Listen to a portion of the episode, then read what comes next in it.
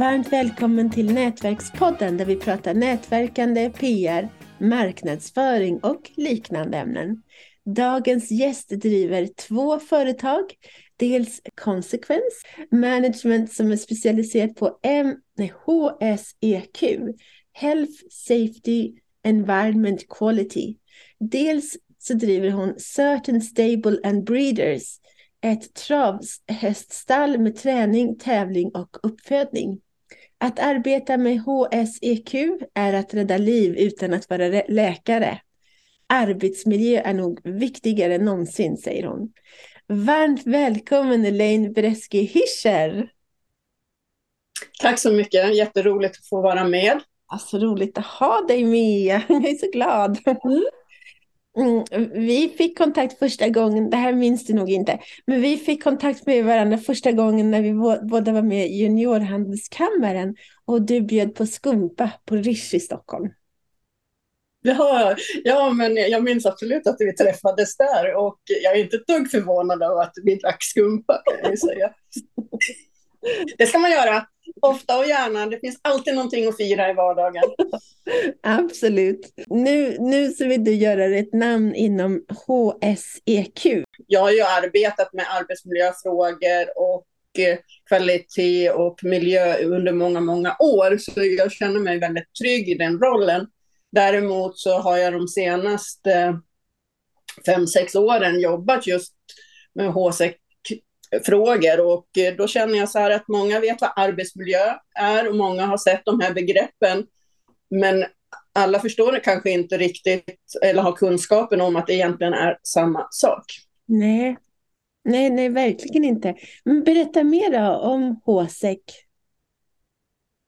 Ja, nej, men det handlar ju om överhuvudtaget och jag tror att vi har lärt oss här under pandemin också hur viktigt det är dels att kunna arbeta på distans och att vi har förmågan att göra det och har förmånen att göra det efter, efter allt som har varit. Men också hur viktigt det är då att skapa en plattform som att man ändå känner att man jobbar tillsammans i ett team. Nu finns det ju inte alla, eh, alla människor kan ju inte jobba på distans, men de som kan göra det behöver ändå känna sig som en del av gänget. Eh, och den arbetsmiljö och kvalitet och miljö för den delen också, eller health and safety då, som jag jobbar mest med, det handlar ju om att alla ska gå till jobbet oavsett vart de är och komma hem helskinnade. Det tycker jag är viktigt. Och det handlar inte bara om, om att man kan skada sig fysiskt, då, eftersom jag många gånger jobbar inom bygg och anläggning, utan det är ju också att man ska må bra psykiskt. Det, det är allt ifrån sexuella trakasserier till faktiskt hands-on att rädda liv. Det händer ju olyckor och då behöver vi vara där på plats att, med krishantering och sånt. Men det, mitt jobb är ju, vi som jobbar med de här frågorna, vi gör ju allt vi kan för att riskminimera att någon ska bli skadad, vare sig fysiskt eller mentalt, på sin arbetsplats. Jättebra. Hur kom du in på det här? För du är väl ingenjör i bakgrunden?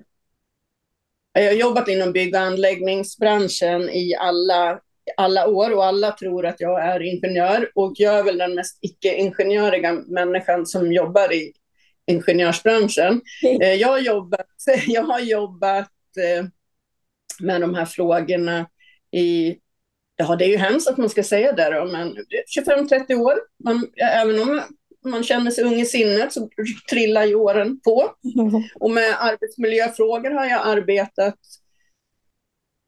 sedan början på 20-talet. Eh, jag är ekonom, beteendevetare och kommunikatör. Och när jag började i den här branschen då var det väldigt mycket fokus på att man skulle vara ingenjör. Men idag är vi faktiskt en mix av både tjejer och killar och olika kompetensområden. För när man jobbar med ledarskap, vilket det här är en del av, så behöver man ju ha en mångfald. Det går ju inte bara att ha tekniska specialister när man ska bygga någonting till exempel, utan du behöver ha alla kompetenser för att nå framgång och också skapa en trygg och säker miljö. Alltså det låter ju roligt, men hur kommer det sig att du tycker att det här är roligt och viktigt? Ja, så att eh, jag har ju jobbat, ja, som du sa, eh, som eh, projektchef och projektledare inom eh, tung ja, industri och bygg och anläggning. Och jag satt då på 20-talet och skulle göra en eh, kalkyl för eh, det här projektet som jag skulle leda. Och när man då sitter och gör en ekonomisk kalkyl där en av punkterna är hur många människor kommer att dö under det här projektet, hur många kommer att skadas och vad kostar det? Mm. Den samhällsekonomiska analysen då värderar ju ett människoliv till ungefär 32 miljoner kronor och alla skador som, ja, som kan hända in, inom alla branscher då, är ju ännu, ännu större. Det är ett enormt lidande för människor oavsett om man tragiskt nog omkommer eller om man skadas i sin arbetsmiljö. Nu kände jag faktiskt att det här är ju faktiskt sjukt att jag ska sitta här som projektchef och tänka ja, i det här projektet dör fyra personer. Det kommer att kosta projektet si och så många miljoner kronor och det kommer att skada. Så jag känner att ja, men om inte någon i en ledande ställning inom bygganläggningsbranschen börjar prioritera de här frågorna som handlar om kvalitet, miljö och arbetsmiljö och säkerhet och, och alla benämningar, då, då kommer ju ingen göra det.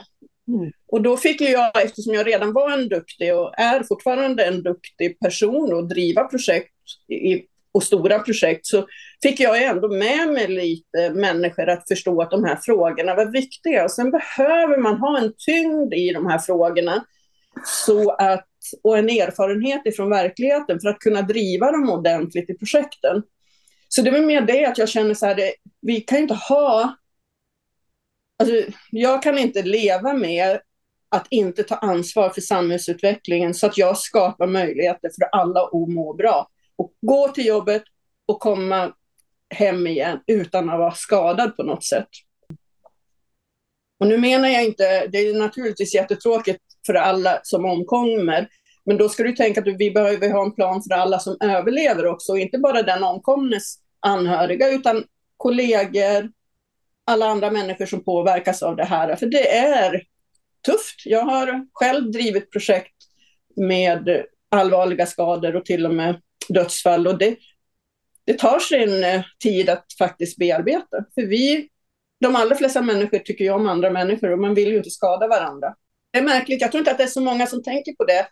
Eh, eh, det är inte så många branscher som heller har den utgångspunkten att man behöver tänka så. Vilka är de vanligaste misstagen som företag gör då inom det här? Eh, det är att man inte gör hands-on jag tror att man ska jobba väldigt mycket med positiv förstärkning och lyfta fram det vi alla människor gör bra. För de allra flesta människorna vill göra bra saker. Jag tror att många företag idag de tänker så här, vi skapar oss en arbetsmiljöpolicy eller en miljöpolicy eller en kvalitetspolicy och så skriver vi ihop det, det blir jättebra och så stoppar vi in den pärmen i, i bokhyllan eller i, eh, idag är det ju mer vanligt att man spar, sparar dokument eh, digitalt. Och så tittar man inte på den, utan jag tror att man varje dag, day to day, behöver gå igenom de här sakerna och prata med varandra och, om arbetsmiljö och miljö och kvalitet eller vad det nu kan vara på en regelbunden basis. Så att man inte glömmer bort att det här är verkligheten för många. Vi är varandras arbetsmiljö oavsett om vi möts i verkliga livet eller om vi möts digitalt.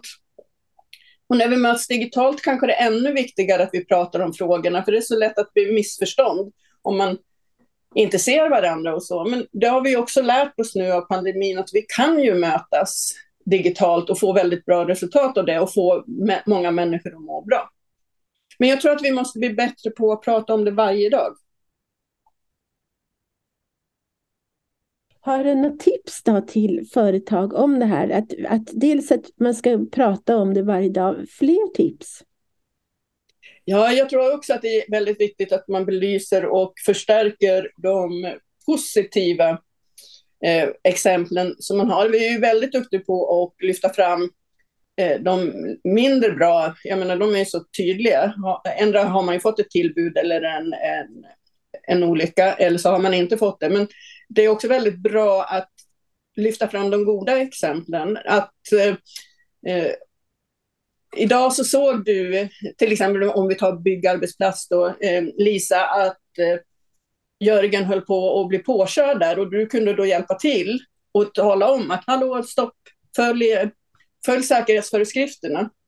Eller bara att man har en dag i månaden minst då man har de här frågorna som dagens eh, ämne.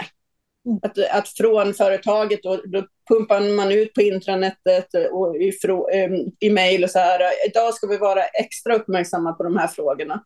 Och att man har en tipslåda, digital eller hur man nu vill ha, där alla medarbetare hela tiden, oavsett 35, 365 dagar om året, kan skicka in sina tips det här skulle vi behöva bli bättre på och det här tycker jag att vi skulle kunna göra för att det skulle bli bättre. Så att man är interaktiv och, och får med sig alla människor att tycka att det här är viktigt. Men gud, det måste ju alla tycka är det viktigaste av allt. Ja, det tycker, det tycker jag och det tycker du och, och man kan tycka att det är självklart. Men om vi tittar till exempel på den psykiska ohälsan så skenar ju den i hela västvärlden. Det är ju inte så att, det är, så att den blir eh, bättre fast vi är medvetna om det. Och mår man dåligt psykiskt då är det ju också lätt att göra saker som gör att vi blir skadade fysiskt. Det blir liksom en negativ spiral. Så jag tror hela tiden att man behöver börja med det psykiska och psyk psykosociala. Och, och, och då måste vi medvetandegöra det allt det här för oss. För att då kan man ju också hjälpas till med de fysiska. Men det har ju hänt väldigt mycket och positiva saker i lagstiftningen när det gäller den psykosociala och den eh, psykiska eh, hälsan som man vill då skapa. Men vi behöver bli fler som pratar om det och lyfter upp problematiken och möjligheterna hur vi kan hjälpa varandra att må bättre. Ja, gud, ja, gud, ja, verkligen den som vill kontakt, ta kontakt med dig, hur går det lättast? Om det är någon som vill anlita dig, kanske som föreläsare eller vad som helst. Hur, hur får man kontakt med dig? Ja, det enklaste är ju att eh, gå in eh, kanske på min blogg eller ännu hellre mejla mig på elaine.söten.nu. Superbra. Ja, men stort tack Elaine. Det, var, det känns som det här var det viktigaste avsnittet i Nätverkspoddens historia. Jag sa det är väl snällt att du säger det, mm. men det är lite som jag säger att det är en förmån att få jobba med att få andra människor att må bättre. Så att, jag är väldigt glad att du säger det. det en, jag känner en stor tacksamhet att jag får arbeta med de här frågorna. Ja, nej men alltså det, det är så otroligt, otroligt, otroligt viktigt. Och jag har, det är klart att jag vet ju om det.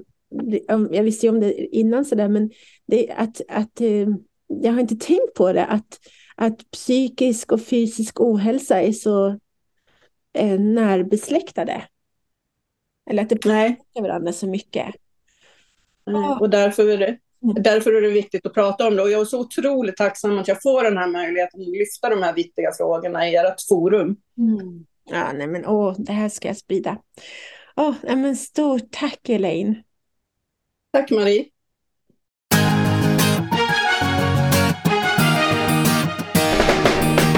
Tack för att du har lyssnat på Nätverkspodden om nätverkande, PR och marknadsföring med Nina Jansdotter och Marie Hagberg.